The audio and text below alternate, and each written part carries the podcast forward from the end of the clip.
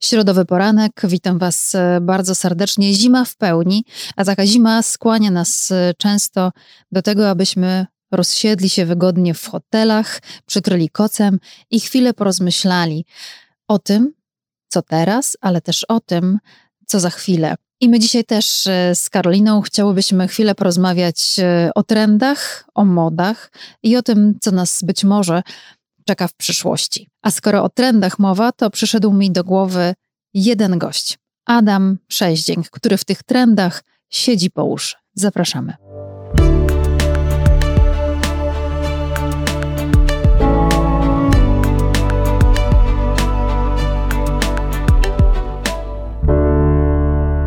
Karolina Kaim, Blueprint, Adam Przeździęk, Media Phoebe, Future of X i Natasza Kotarska. Wykładamy dzisiaj karty i sprawdzamy, co przyniesie przyszłość, bo początek roku to chyba dobry moment na to, żeby porozmawiać e, o trendach. Sporo tego ostatnio wszędzie w mediach. W ogóle dzień dobry, bardzo miło, dziękuję za zaproszenie. W całym internecie można w ogóle mm, zauważyć bardzo dużo raportów związanych z trendami. I tutaj z, z trendami w każdej dziedzinie naszego życia właściwie.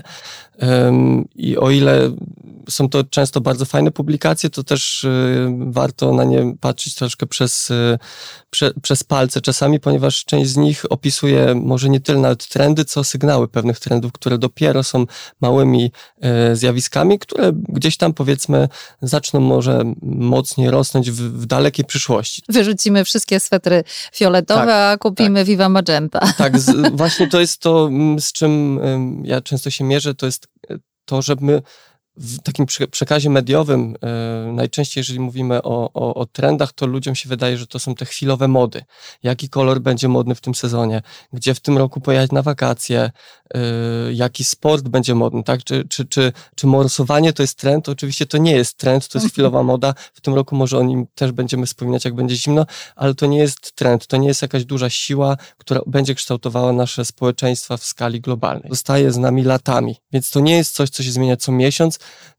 co, co pół roku, jak, jak odzież w zarze, powiedzmy, tak? To jest coś, co my zauważamy w takiej perspektywie kilkuletniej, a nawet kilka dekad, tak? Więc y, jako przykład trendu mogę powiedzieć, że, że jest nim, powiedzmy, transformacja energetyczna, jaka teraz zachodzi na świecie, tak? Poszukiwanie czystej energii, jak odejść od paliw kopalnych, jak przejść na zieloną energię i tak dalej.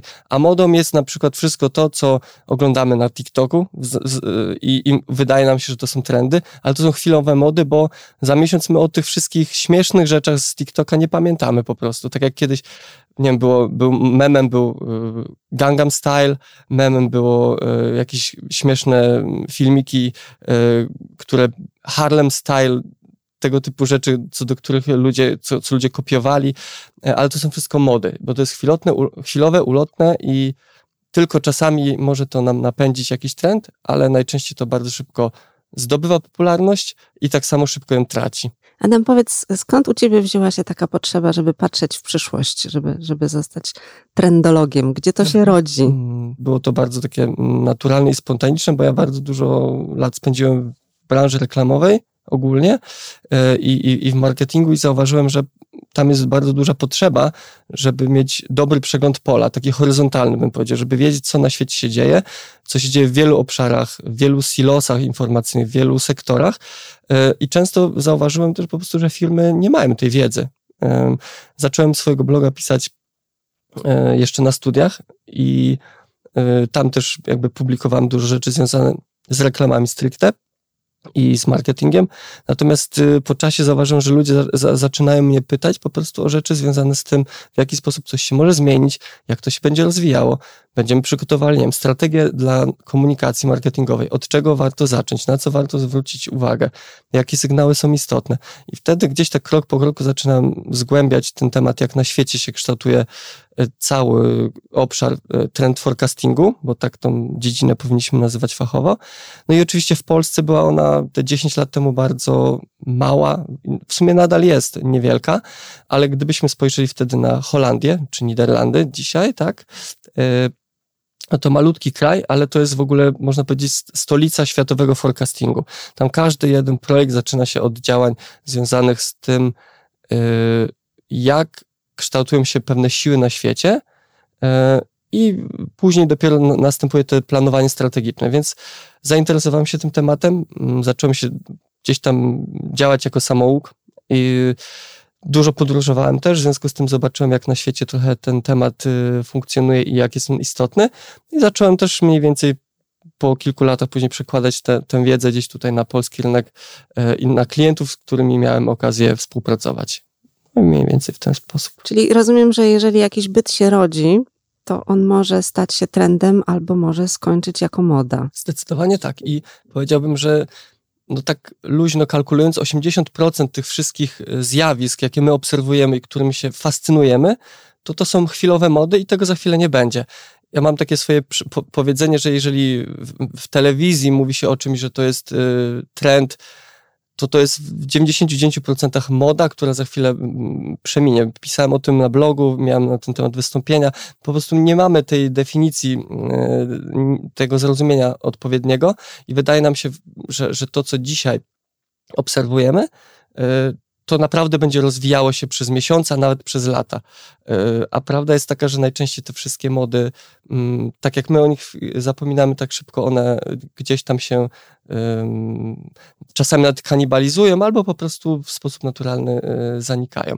Część z nich mo może stanowić pewną siłę napędową dla, dla trendów, które będą się później rozwijały, ale y, najczęściej mimo wszystko są to pewne jakieś tam sygnały, insighty, no i po prostu z angielskiego fads, czyli mody.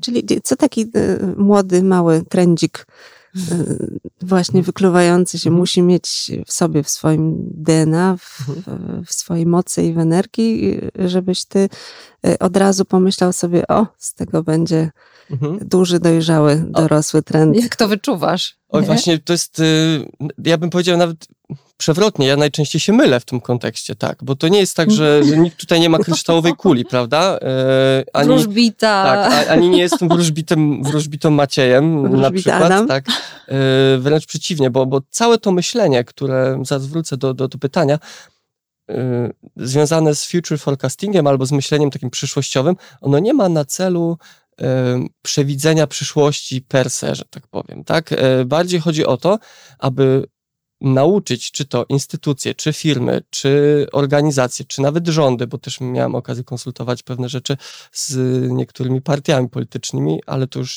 nie za, nie, nie, chodźmy, nie chodźmy w to i nie za tej nie kadencji ten, tego, drogą. Tak, nie za kadencji tego rządu.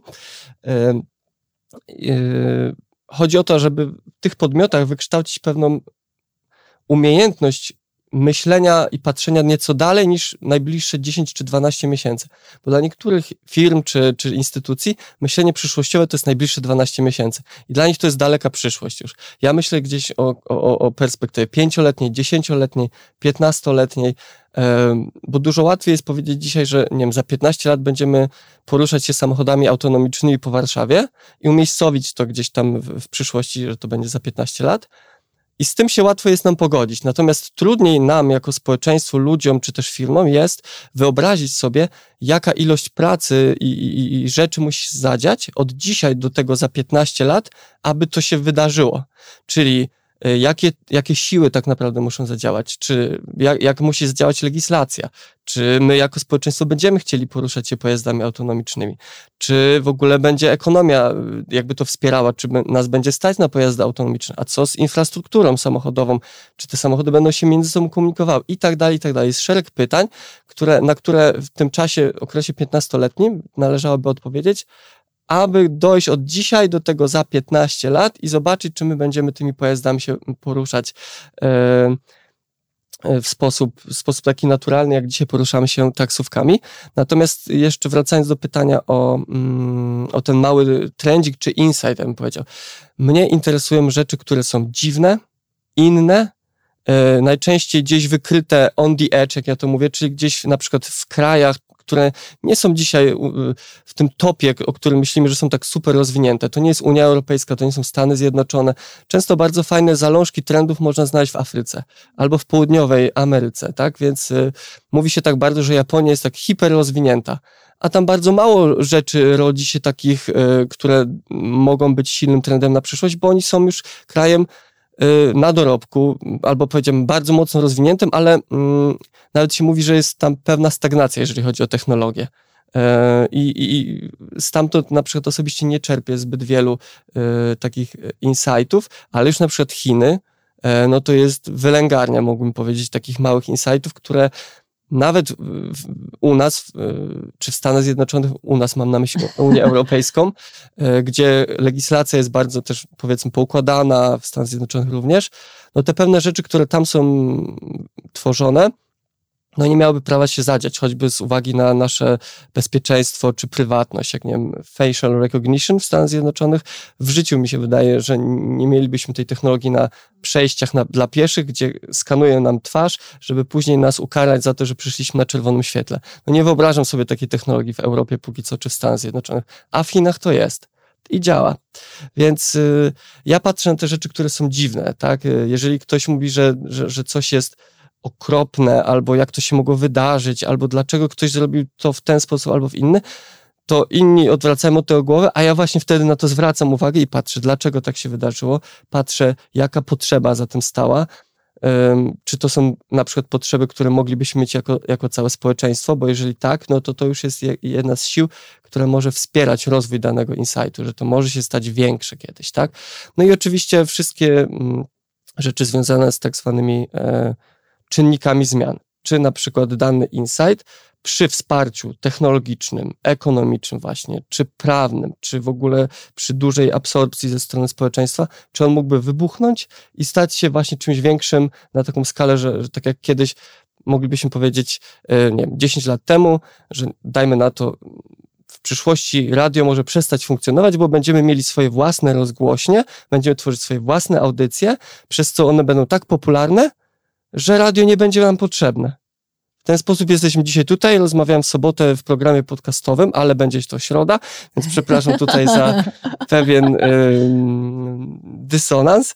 Y, więc zwracam uwagę przede wszystkim na małe rzeczy, które mogą rosnąć y, w coś większego w przyszłości. W takiej analizie trendów y, to jest, y, to jest więcej Twojej intuicji, czy więcej nauki, czy jest element magii? Jaki jest ten komponent, bardzo ciekawe, który... Bardzo ciekawe pytanie, tak. Y, I ja bym powiedział, że to jest y, takie połączenie tego wszystkiego.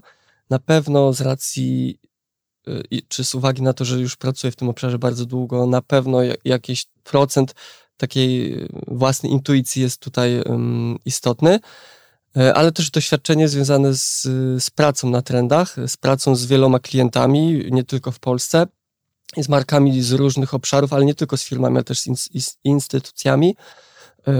Więc y, to doświadczenie takie w polu bym powiedział, ale też mm, takie 70% bym powiedział, że jednak to jest y, wiedza i non-stop jakaś tam nauka. Andrzej Duda kiedyś powiedział, że on, on, się ciągle uczy, tak? No to ja też, też mogę powiedzieć, że ja ciągle się uczę, więc to jest czytanie, czytanie i czytanie, mnóstwo raportów, więc moja, moja praca codziennie to jest tak naprawdę kilka godzin czytania raportów, potem trochę pisania, potem jakieś rozmowy, taki, taka bieżączka typowo dla prowadzenia firmy, ale to jest głównie czytanie i wnioskowanie, wyciąganie, próbę wyciągnięcia z tego jakichś wniosków, jak to się może połączyć z innymi e, obszarami naszego życia i czy, czy mniejszymi, czy większymi sygnałami zmian. To skoro już tu jesteśmy przy tych trendach i tej intuicji, co mówi ci intuicja teraz? Mhm. Z jakimi trendami się żegnamy może? A może które czujesz, że rzeczywiście mm, no, będą się mocno rozwijały w mhm. najbliższym czasie? Ja staram się analizować trendy na takich trzech płaszczyznach.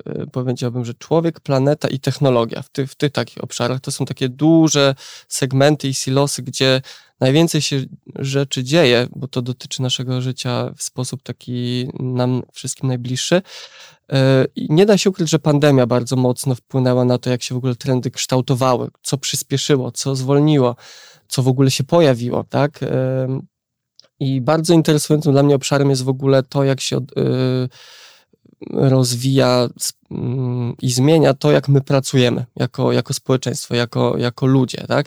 I w pewnym momencie mm, wszyscy przyszliśmy na tę pracę zdalną, tkwimy w tym i czy trwamy, powiedziałbym, do dzisiaj. Dla wielu osób jest to super wygodne, e, rzecz jasna, ale też da się zauważyć z kolei od strony przedsiębiorstw, że firmy no nie bez powodu jednak ciągle utrzymuję te biura, nie bez powodu zauważałem, że w jakiś sposób ten, i to badania o tym świadczą, to nie jest gdzieś tutaj moje przeczucie, tylko badania też o tym świadczą, że, że jednak gdzieś zanikają te więzi między pracownikami. O ile efektywność pracowników nie spada, no to gdzieś te więzi międzyludzkie, nie, nie jesteśmy w stanie ich tak super dobrze utrzymać przez nawet najlepszą platformę online'ową, więc y, mam takie przeczucie, że będziemy mm, stopniowo odchodzili od takiej typowej mm, pracy zdalnej, na, na rzecz takiej bardzo, bardzo elastycznej pracy hybrydowej, przy założeniu, że jednak będziemy musieli się w tych biurach, musieli, że będziemy nawet chcieli się spotykać w tych biurach, aby właśnie podtrzymać te, te więzi.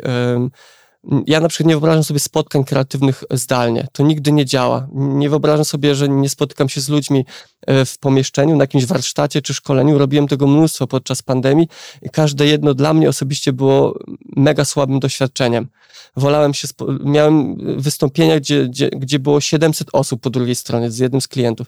Przyjechałem do Warszawy, żeby stanąć w pustej sali, gdzie był po prostu mój ekran, a wiedziałem, że po drugiej stronie jest 700 osób z firmy. I ja nie czułem w ogóle żadnego kontaktu z tymi ludźmi.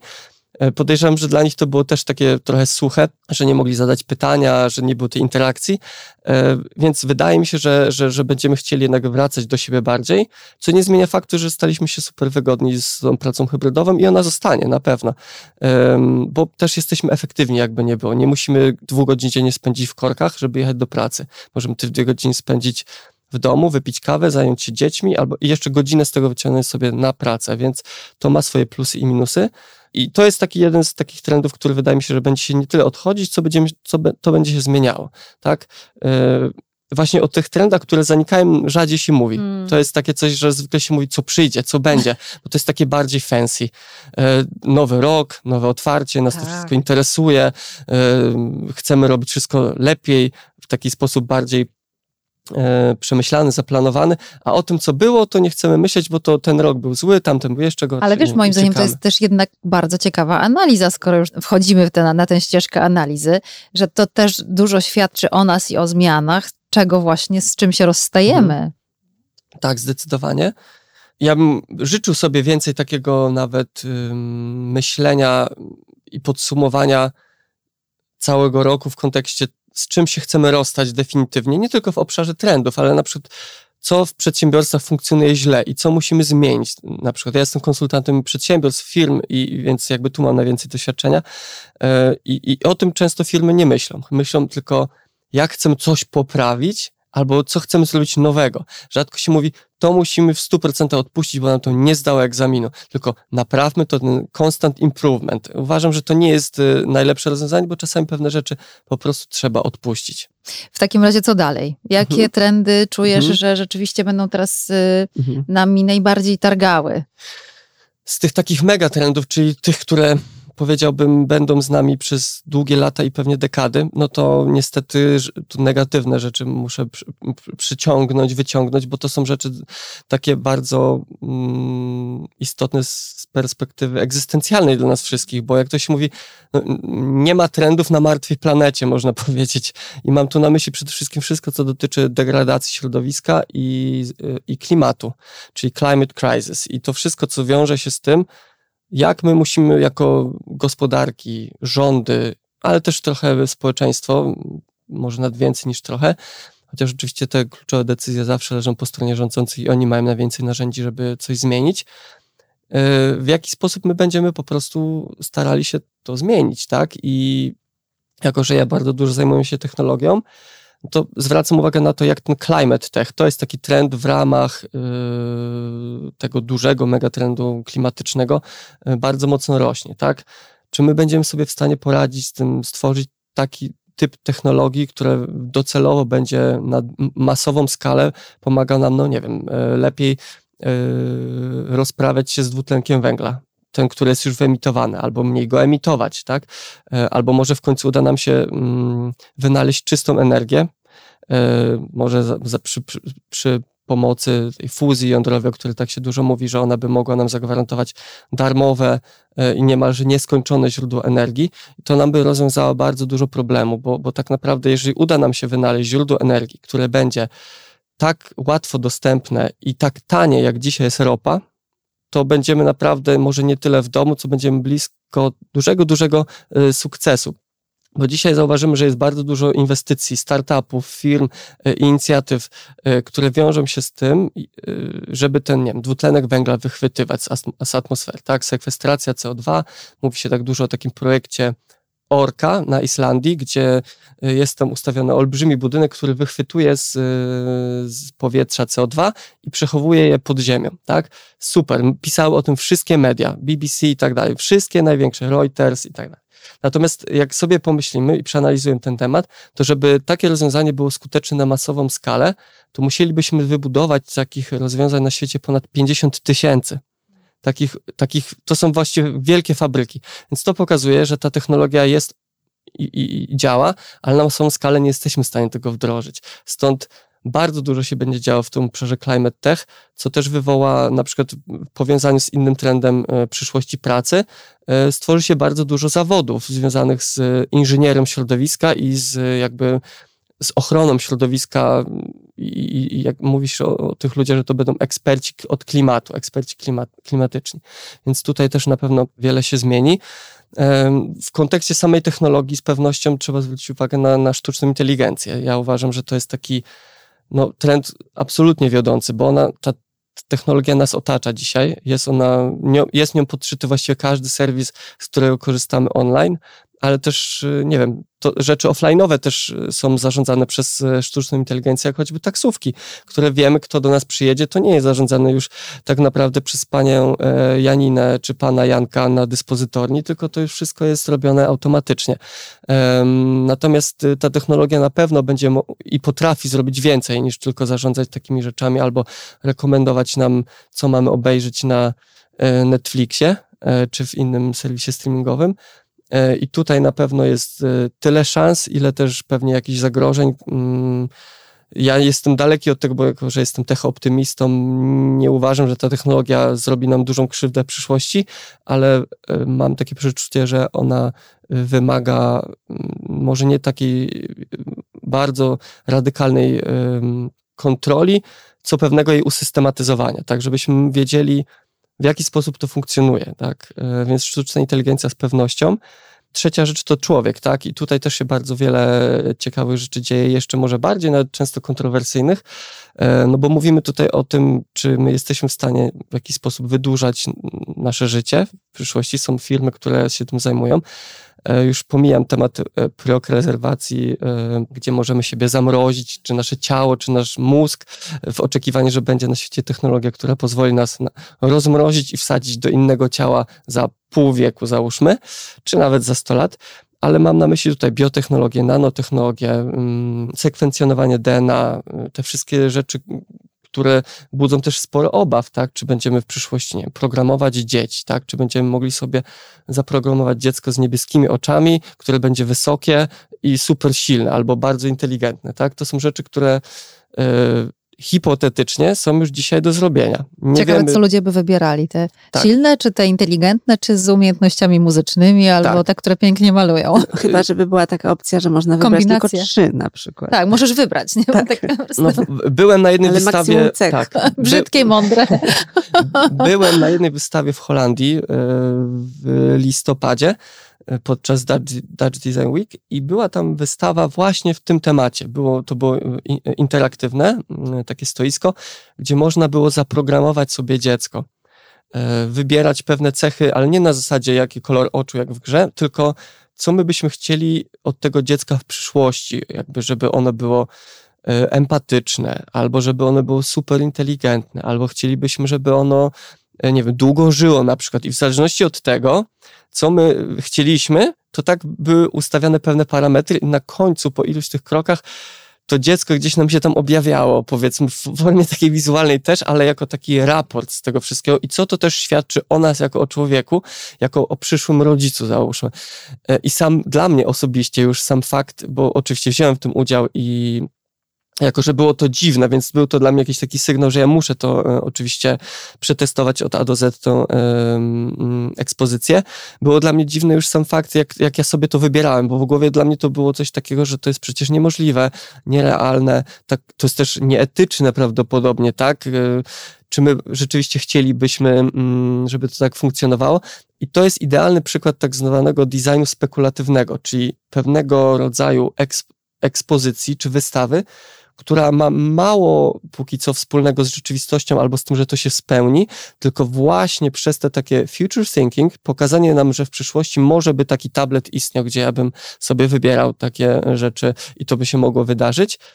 Przez to ja dzisiaj mogłem sobie pomyśleć, czy dla mnie to jest etyczne, zadać sobie pewne pytania, pomyśleć sobie, czy ja chcę takiej przyszłości, czy nie. Więc e, takie myślenie przyszłościowe i ten, ten, ta spekulacja o przyszłości pozwala nam dzisiaj zastanowić się nad pewnymi konsekwencjami wyborów, które podejmujemy teraz. Tak sobie myślę, że w większości przekazów medialnych, w filmach, w książkach, mhm. taka mm, osoba mędrca, czyli człowieka, który wie więcej, albo jest tym e, wizjonerem, mhm. albo zagląda w przyszłość, mm, pokazywana jest jako, mm, jako postać dosyć poważna, smutna. Mhm i obciążona mhm. tą wiedzą. Natomiast ty zdecydowanie, y, wydaje mi się, jesteś energetycznym optymistą. Mhm. Jak na ciebie mhm. działa ta mm, wiedza, która może być zarówno przywilejem, jak i obciążeniem? Może jestem energetyczny z uwagi na dużą ilość sportu, yy, jaki uprawiam. Może też dlatego, że mamy pyszną kawę dzisiaj tutaj w studio, to też. Yy, ale yy, jako, że jestem technooptymistą, ale też nie jestem ślepo zapatrzony w technologię, to muszę też patrzeć niestety na pewne kwestie mm, w sposób taki podejrzliwy, czasami negatywny, nałożyć na pewne rzeczy taką kalkę albo w ogóle nie przestać patrzeć na świat przez te różowe okulary, no bo świat y, y, zmierza w złym kierunku i trzeba sobie to powiedzieć wprost i, i im szybciej to sobie zrozumiemy, tym szybciej y, przyszłe pokolenia będą miały lepsze warunki do, do życia na tej planecie, tak? Natomiast mm, muszę powiedzieć, że często jestem niestety może nie smutny, ale zasępiony. Im więcej czytam, im więcej też rozmawiam z ludźmi, im więcej słucham tego, o czym się mówi w mediach, yy, albo o czym mówią moi znajomi, albo dalsi znajomi, albo czasami obcy ludzie, to zastanawiam się, dlaczego my tak dużo poświęcamy czasu na rzeczy, które nie są istotne, a nie koncentrujemy się na tym, co jest yy, kluczowe.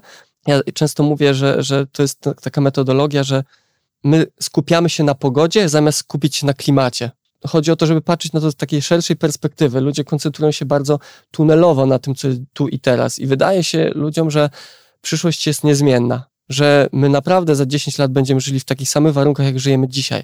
A 10 lat, mimo że to jest naprawdę niewiele w perspektywie całego wieku, e, może przynieść nam naprawdę dużo negatywnych zmian, migracje klimatyczne, nie wiem, e, e, bezrobocie technologiczne. Jest bardzo dużo kwestii związanych z brakiem wody na świecie, problem z energią, to ciągłe drenowanie ziemi, wyciąga, wydobywanie, wydłubywanie wręcz z ziemi e, tych wszystkich zasobów nieodnawialnych. To jest coś, o czym my nie dyskutujemy, e, no bo nie wiem, bo dzisiaj nam brakuje węgla w Polsce, załóżmy, i to jest kluczowe. Nie ma drewna, nie ma węgla, ktoś zawalił i my potrzebujemy tego węgla na potęgę, ale jak spojrzymy na to z tego takiego helikopter view, to sobie możemy pomyśleć, halo, przecież my mieliśmy w ogóle odejść od węgla. Dlaczego o tym nie mówimy? Bo my mamy wszyscy te piece węglowe i musimy to wszystko opalić i musimy ścinać drzewa i przestać w ogóle myśleć o tym, że ta mm, bioróżnorodność jest kluczowa, o nią też nie dbamy i tak dalej, i tak dalej. Więc muszę przyznać, że im więcej czytam i im więcej przebywam sam, tym to chyba wtedy jestem taki najbardziej zasępiony w związku z tym, że, mm, że albo za dużo się naczytałem, albo powinienem gdzieś wyluzować, albo może y, czytam złe, złe rzeczy, yy, natomiast staram się też patrzeć na to, na to w taki sposób pozytywny, jak yy, nie tylko technologia, ale pewne zmiany, które już postępują, jak, jakie zmiany następują w naszym rozumieniu świata, jak to może wpłynąć pozytywnie, że docelowo jednak my z tych największych kryzysów, jakie gdzieś są mm, zauważalne na świecie, że my z tego wyjdziemy w dłuższej perspektywie. Więc y, nie jestem jeszcze tym starcem z laską, który jest zasępiony, ale przede wszystkim im jestem starszy, tym wydaje mi się, że mniej wiem, albo zdaję sobie sprawę z tego, jak mało wiem, jak chciałbym jeszcze się wielu rzeczy nauczyć. E, ale też zdaję sobie sprawę wtedy, jak świat jest skomplikowany e, i jak wiele rzeczy musi się zadziać, żebyśmy na przykład w kontekście klimatu i kryzysu klimatycznego, żebyśmy wyszli po prostu gdzieś na zero chociażby, bo jesteśmy już teraz na minusie, jeżeli mm. mówiąc o takiej w taki uproszczony sposób. To ja chciałam jeszcze wrócić do tego tematu, o którym ja bardzo często myślę i zastanawiam się, co z tego y, wyniknie, bo mówiliśmy o pracy zdalnej, a mhm. później użyłeś takiego sformułowania bezrobocie technologiczne. I ja mam takie przeświadczenie, że im bardziej się będziemy izolować, tym bardziej ci najbardziej wyizolowani będą zastępowani mhm. przez y, wszelkiego rodzaju rozwiązania robotyczno-sztuczno-inteligentne, e, mhm. e, etc. E, I teraz y, ja mam takie przeświadczenie, że właśnie ta praca zdalna jest bardzo dużym krokiem w kierunku zastępowania ludzi i, i automatyzacji, i wydaje mi się, że ten, ten trend jak gdyby powracający do komunikacji mhm. E, oko oko, twarzą w twarz jest bardzo ważny właśnie po to, żebyśmy y, dalej pracowali, a nie robotyzowali się. I mhm. ciekawa jestem, jaka jest twoja wizja. Ja generalnie jestem bardzo za tym, żebyśmy byli blisko siebie ogólnie, jeżeli chodzi o, o, o pracę, tak, bo o ile technologia nam super pomogła w kontekście pandemii, bo właściwie z dnia na dzień przyszliśmy na te wszystkie mm, mm, prace zdalne i w wielkich korporacjach, w wielkich fabrykach to wszystko nadal mm, mogło funkcjonować. Oczywiście pracownicy, ci najmniej, powiedziałbym, eksperccy, czyli ci, którzy pracują gdzieś tam na liniach, e, nadal musieli pracować w jakichś tam warunkach trochę wyizolowanych, bo choćby przez pandemię, e, no bo jednak nie da się y, jeszcze tak z dnia na dzień zastąpić na linii produkcyjnej ludzi e, robotami z dnia na dzień właściwie, więc oni byli najbardziej oczywiście poszkodowani, ale też jest to grupa społeczna, która z zasady zarabia najmniej, więc oni byli naj, najbardziej poszkodowani przez całą pandemię, bo ci, którzy zarabiają najwięcej, najszybciej się wyizolowali w swoich domach, mogli się tam ładnie opatulić kocem i siedzieć sobie na kolach od rana do wieczora, a ci, którzy są w tych, e, jakby tą warstwą społeczną, która niestety zarabia mniej, e, jest to bardzo duża grupa społeczna, no musiała jeździć autobusami e, w dalszym ciągu, używać masek, pracować na liniach produkcyjnych z innymi ludźmi itd., tak itd. Tak natomiast cieszę się, że w jakiś tam sposób to mm, zauważyliśmy, że jednak bycie razem jest dla nas ważne, no bo jednak jesteśmy takimi, a nie innymi zwierzętami stadnymi, że, że mamy to wdrukowane w nasze DNA i jest nam ciężko się izolować, nawet jeżeli chcemy czasami się wyluzować i pojechać sobie, nie wiem, do Szwecji nad jezioro i pobyć tam tydzień samemu, no to po tym tygodniu jednak zaczniemy odczuwać pod, brak, potrzebę jakiegoś tam zbratania się z kimś. Oczywiście są jakieś wyjątki y, ludzi, którzy lubią być sami zawsze, no ale wyjątek też może potwierdzać regułę i, i takie mam przeczucie, że, że, że, że to, że będziemy wracać do siebie, to też będzie jednak pracowało w taki sposób, że tej izolacji będzie mniej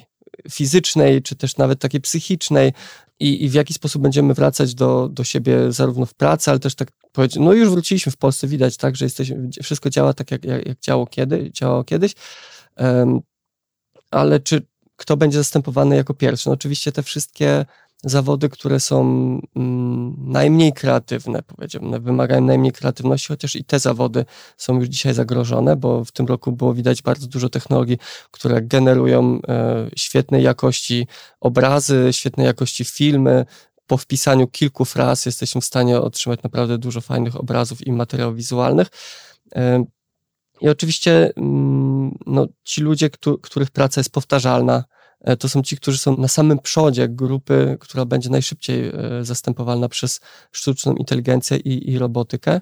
No ale to jest jakby rolą państw e, i rządów, no i też pewnie po części przedsiębiorstw, aby pomyśleć już dzisiaj właśnie o tym, jak za 10 lat może wyglądać praca ludzi tych, którzy są dziś najbardziej zagrożeni właśnie tym bezrobociem technologicznym, w jaki sposób ich wesprzeć, i czy oni będą w stanie w przyszłości funkcjonować w ogóle w jakimś innym zawodzie, czy będą się w stanie przekształcić, dokształcić, e, czy będziemy musieli po prostu im zagwarantować ten dochód podstawowy e, gwarantowany, który pozwoli im na jakąś tam powiedzmy egzystencję, ale już wiemy, że z tych badań, które były chociażby w Finlandii, chyba w Nowej Zelandii, e, gdzie ludzie dostawali przez określoną ilość czasu dodatkowe powiedzmy kilka tysięcy złotych, z którym mogli zrobić cokolwiek, e, no to ten eksperyment nie ma jak, jakichś bardzo dobrych y, wniosków na, na, przyszłość. Oczywiście zagwarantowało to im, tym ludziom jakiś spokój ale i bezpieczeństwo, natomiast w tym samym czasie oni nadal poszukiwali pracy. To po prostu im po, po, pozwoliło na bezpieczne i, i dłuższe poszukiwanie pracy, ale ci ludzie nadal chcieli być aktywni, nadal chcieli wrócić do społeczeństwa, bo właśnie jeżeli będziemy siedzieć w tych naszych ogródkach i dostawać ten dochód gwarantowany, załóżmy, bo zastąpią nas y, roboty, tak, powiedzmy, to jak to wpłynie na nasze życie, tak? Czy my będziemy szczęśliwi w tym naszym ogródku, tak? Jeżeli będziemy coraz mniej spotykać się z ludźmi, coraz mniej opuszczać nasze mieszkanie, nasz dom, nie będziemy mieli na tyle pieniędzy, żeby, nie wiem, wyjść i, i skorzystać z jakiejś oferty kulturalnej miasta, bo do tego miasta nie będziemy mieli pieniędzy, żeby dojechać, bo będzie drogie paliwo i tak dalej, i tak dalej. Więc to jest bardzo długi ciąg y, wielu zdarzeń, niebezpiecznych zdarzeń, nad którymi już dzisiaj powinniśmy dużo myśleć. Czy w naszym kraju się o tym bardzo dużo myśli? wątpię. Ja myślę, że przynajmniej mam taką teorię, że, że, że słoik z problemami jest zawsze pełny mhm. i praca ma tę dobrą stronę, że zapełnia nam sporą część mhm. tego słoika. Ja się bardzo boję, że w momencie, kiedy tej pracy zabraknie, to ludzie sobie sami ten słoik wypełnią. I to moim zdaniem ma duże szanse nie być dobrym i zdrowym rozwiązaniem. Dużo się też mówi o tym, że gdybyśmy odzyskali trochę naszego czasu wolnego, to będziemy realizować swoje pasje, tak? Czy będziemy kreatywni. Nie zawsze się to niestety sprawdza. Też sądzę, że, że może być to problematyczne. A z kolei jeszcze inny wniosek z pandemii, yy, gdy no, byliśmy zamknięci w domu, to był też jeden od wielu dekad z momentów, gdzie po raz pierwszy byliśmy nie wiem, z drugą osobą na, jednym, na jednej przestrzeni, już pomijam, że były też dzieci, niemal przez cały czas, tak? Yy, I pracowaliśmy w domu, gotowaliśmy, mieliśmy tam rozrywkę, było tam wszystko kino, przedszkole, nasza praca i tak dalej. Dla tak? wielu piekło. Fryzjer i piekło, tak. E, I zobaczcie, jak na przykład zwiększyła się liczba rozwodów i separacji. Bo my nigdy nie byliśmy w takim setupie, w takim ustawieniu, że przez 24 godziny na dobę jesteśmy z drugą osobą cały czas tak to któraś osoba wychodziła na 8-9 godzin do pracy, wracaliśmy, mijaliśmy się, ktoś odbierał dziecko z przedszkola, ktoś pojechał na piłkę nożą gdzieś tam i ten dzień nam z tych 24 godzin byliśmy razem, nie wiem, 8. To jest zupełnie inna skala, więc jest, jest mniejszy potencjał, żeby się pokłócić. Czyli jak myślenie o przyszłości już cię trochę przytłoczy, to rozumiem, wtedy jest czas na rower. No, ten rower, właśnie. Jestem rower, tak. przekonana, tak. że o rowerach będziemy musieli porozmawiać dłużej i mam nadzieję, że jak mhm. Adam będzie odwiedzał Warszawę jeszcze częściej, to nas odwiedzi jeszcze w temacie rowerów. Ale rzeczywiście wiem, że ten rower i sport w ogóle jest twoim taką, mhm.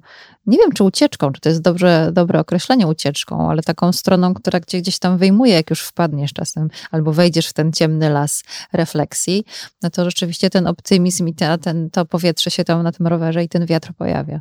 Zdecydowanie tak, y, bo jestem zwolennikiem aktywności w każdej formie. To nie znaczy, że trzeba spędzać 20 godzin na rowerze tygodniowo. Wydaje mi się, że jest to potrzebne. Y, jeżeli dużo pracuje się, mm, powiedzmy, intelektualnie, no to jednak się też męczymy.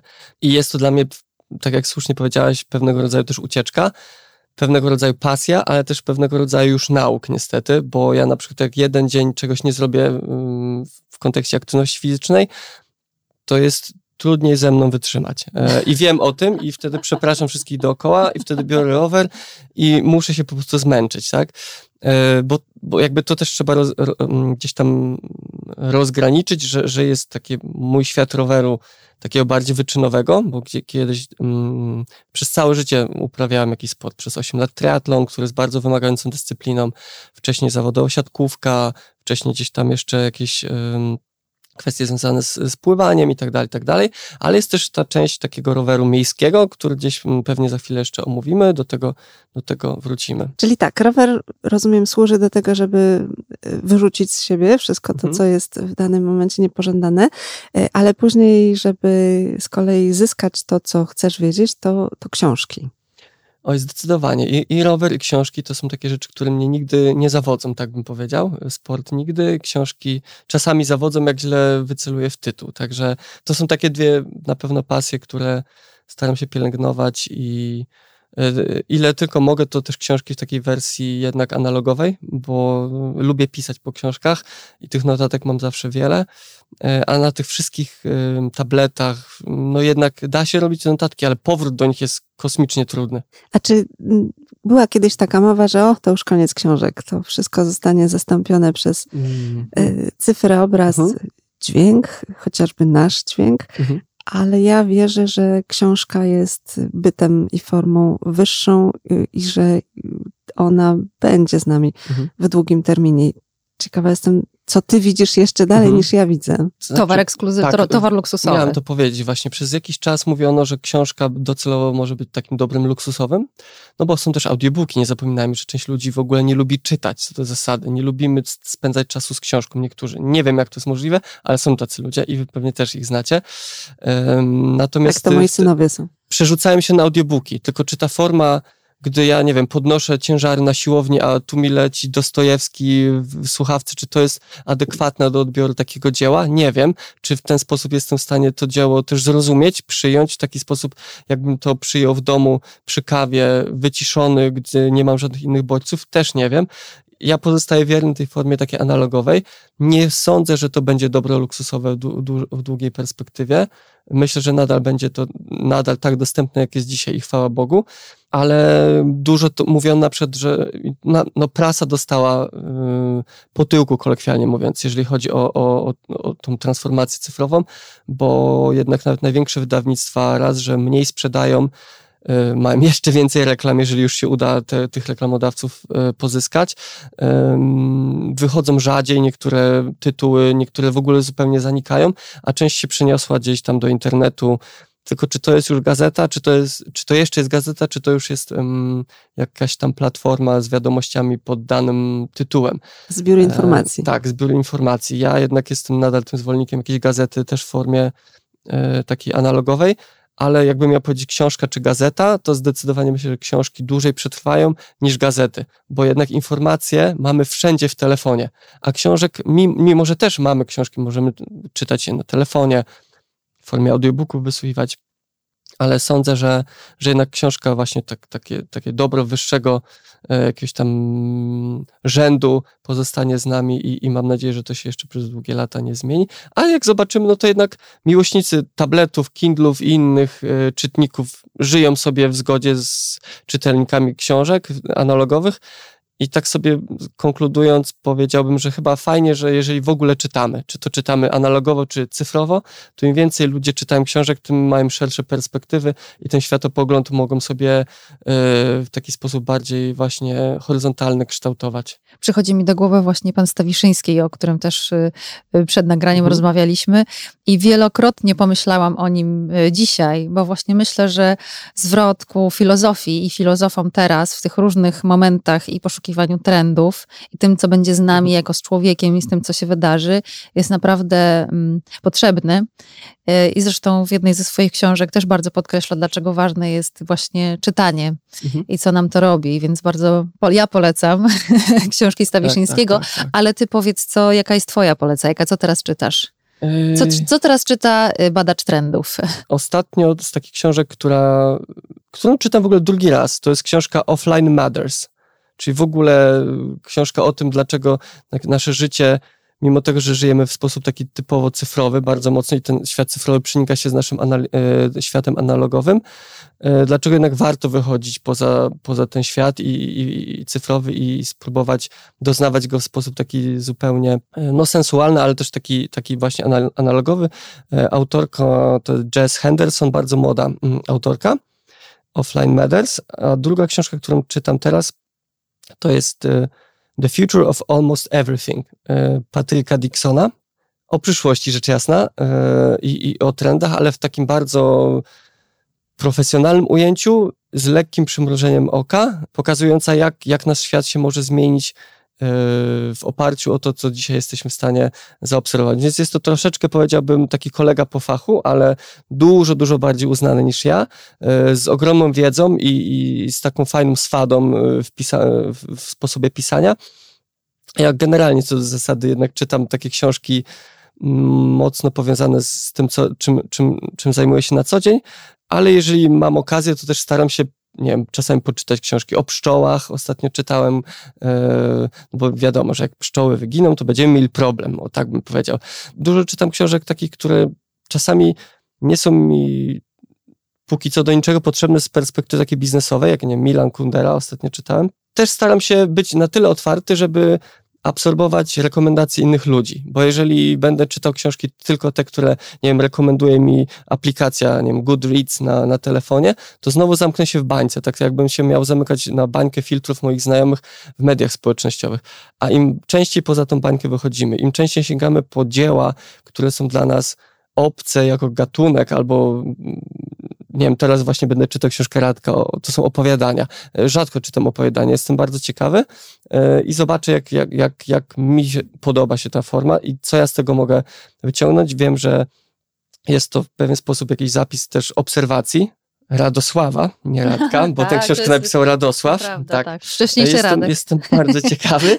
Też, żeby ta moja mm, sterta wstydu nie rosła zbyt mocno i staram się naprawdę dużo, dużo czytać każdego dnia właściwie. No to jest tak, taki też wyrobiony nauk, tak? E, to trochę jak z tym ścieleniem łóżka rano. Jak go sobie ładnie pościelę, to wiem, że już coś zrobiłem dobrze, więc później na liście mam, nie wiem, kawę, książki, pracę, książki, trening, więc to jest to zaplanowane. Muszę zacząć ścielić łóżko. A żeby nas zostawić i słuchaczy z takim pozytywnym przesłaniem, to o jakie trendy y, radzisz nam zadbać? Które hodować szczególnie mhm. troskliwie? E, ja bym powiedział y, o nas samych o nas jako osoby, jako o nas o nasze samopoczucie, o nasz wellness, jak to się mówi, e, ale też o nasz dobrostan. Przez ostatnie dwa lub trzy lata świat nas mniej lub bardziej przeciorał, mówiąc kolokwialnie. Ja wiem, że ileś dekad temu były większe wojny, które obejmowały swoim zasięgiem całą Europę i pewnie jeszcze większą część świata, ale nie da się ukryć, że ten ostatni czas, w jakim żyliśmy, e, był dla nas e, mocno wyczerpujący i to odbiło się cieniem na, na, na, naszym dobrostanie i, i to widać, tak, że jesteśmy, nie wiem, bardziej ostrożni, jesteśmy łatwiej nas w jakiś sposób tam przestraszyć, naciągnąć, a świat też idzie do przodu i mimo wszystko y, duży, jest, jest dużo fake newsów, jak, jest cyberniebezpieczeństwa y, i tak dalej, i tak dalej, więc w tym całym świecie, który jest naprawdę skomplikowany i trudny i jeszcze w którym jesteśmy doświadczani przez, przez zewnętrzne wydarzenia, na które nie mamy najczęściej wpływu, e, no warto czasami skupić się mimo wszystko na jednostce. Tak, tak sądzę, może brzmi to jak jakiś taki tani coaching albo jakaś kwestia od strony psychologicznej, ale ja sam też czuję, że jeżeli czasami się nie wyłączę spoza wszystkiego, yy, czym zajmuję się na co dzień, no to gdzieś mi ta głowa eksploduje, tak? Bo ile tych bodźców możemy przyjąć jako ludzie? Nasz mózg nie ewoluował tak szybko, jak ewoluowała technologia i a, a szczególnie technologia informacyjna. 5, 10, 20, 30 dekad temu nie, dosta, nie dostawaliśmy tylu bodźców, nasze, nasze ciała i organizmy, ile dostajemy teraz. A nasz mózg się przecież nie zmienił. Nie mamy wszczepu w mózgu jeszcze, technologia nam nie wspiera tego, tej, tej kwestii kognitywnej. Ciągle ten nasz stary mózg musi absorbować jeszcze więcej, jeszcze więcej. Więc dopóki jesteśmy w stanie z tym żyć, to ok, ale jeżeli czujemy, że gdzieś potrzebujemy ujścia tego powietrza, no to zadbanie w ten czy inny sposób, myślę, że każdy znajdzie na to jakąś swoją własną metodę. Dla niektórych to będzie sposób taki, że to jest sport, dla niektórych książka, a dla niektórych ucieczka w dzicz bez telefonu. No to jeżeli tylko jesteśmy świadomi tego, że potrzebujemy tego resetu e, od jakiegoś, od czasu do czasu, także od najbliższych, bo to nie jest tak, że każdy jeden wyjazd musimy spędzać z całą rodziną, gdzie czasami wyjazdy potrafią się z pięknych zamienić w dramat, e, to, to róbmy to i słuchajmy naszego ciała, tak mi się wydaje, i, i, i tego, i tych naszych potrzeb. Więc e, jeżeli miałbym mówić, e, na co powinniśmy większą zwracać uwagę, to na nas, na nas samych, a w drugiej kolejności też na tych ludzi, którzy obok są nas, bo często ci, którzy są najbliżej nas, potrzebują najwięcej pomocy, a my koncentrujemy się na pomaganiu zupełnie obcym ludziom, co jest ok jak najbardziej, ale czasami pomijamy w tym wszystkim kogoś, kto jest obok nas, a nawet nam nie daje sygnałów, że on tej pomocy mm, potrzebuje, tak? No nie wiem jak wy, ale ja Adama mogę słuchać godzinami. E, mam nadzieję, że w związku z tym odwiedzi nas niebawem raz e, jeszcze, bo chciałybyśmy z Karoliną, żeby zabrał nas kiedyś na rower. Więc mam nadzieję, Bardzo że miło. na ten rower miejskimi ulicami nas za jakiś czas zabierze. A dzisiaj bardzo Ci dziękujemy. Dużo wiedzy, dużo czujności zawsze y, się pojawia w takich momentach. Otwarta głowa E, no ale do tego wszystkiego pewnie przydadzą się nam też otwarte serca. Bardzo dziękuję. Adam Przeździęk, Karolina Kajm, Blueprint Dziękuję. i moja skromna osoba, Natasza Kotarska. Życzymy Wam dobrego dnia.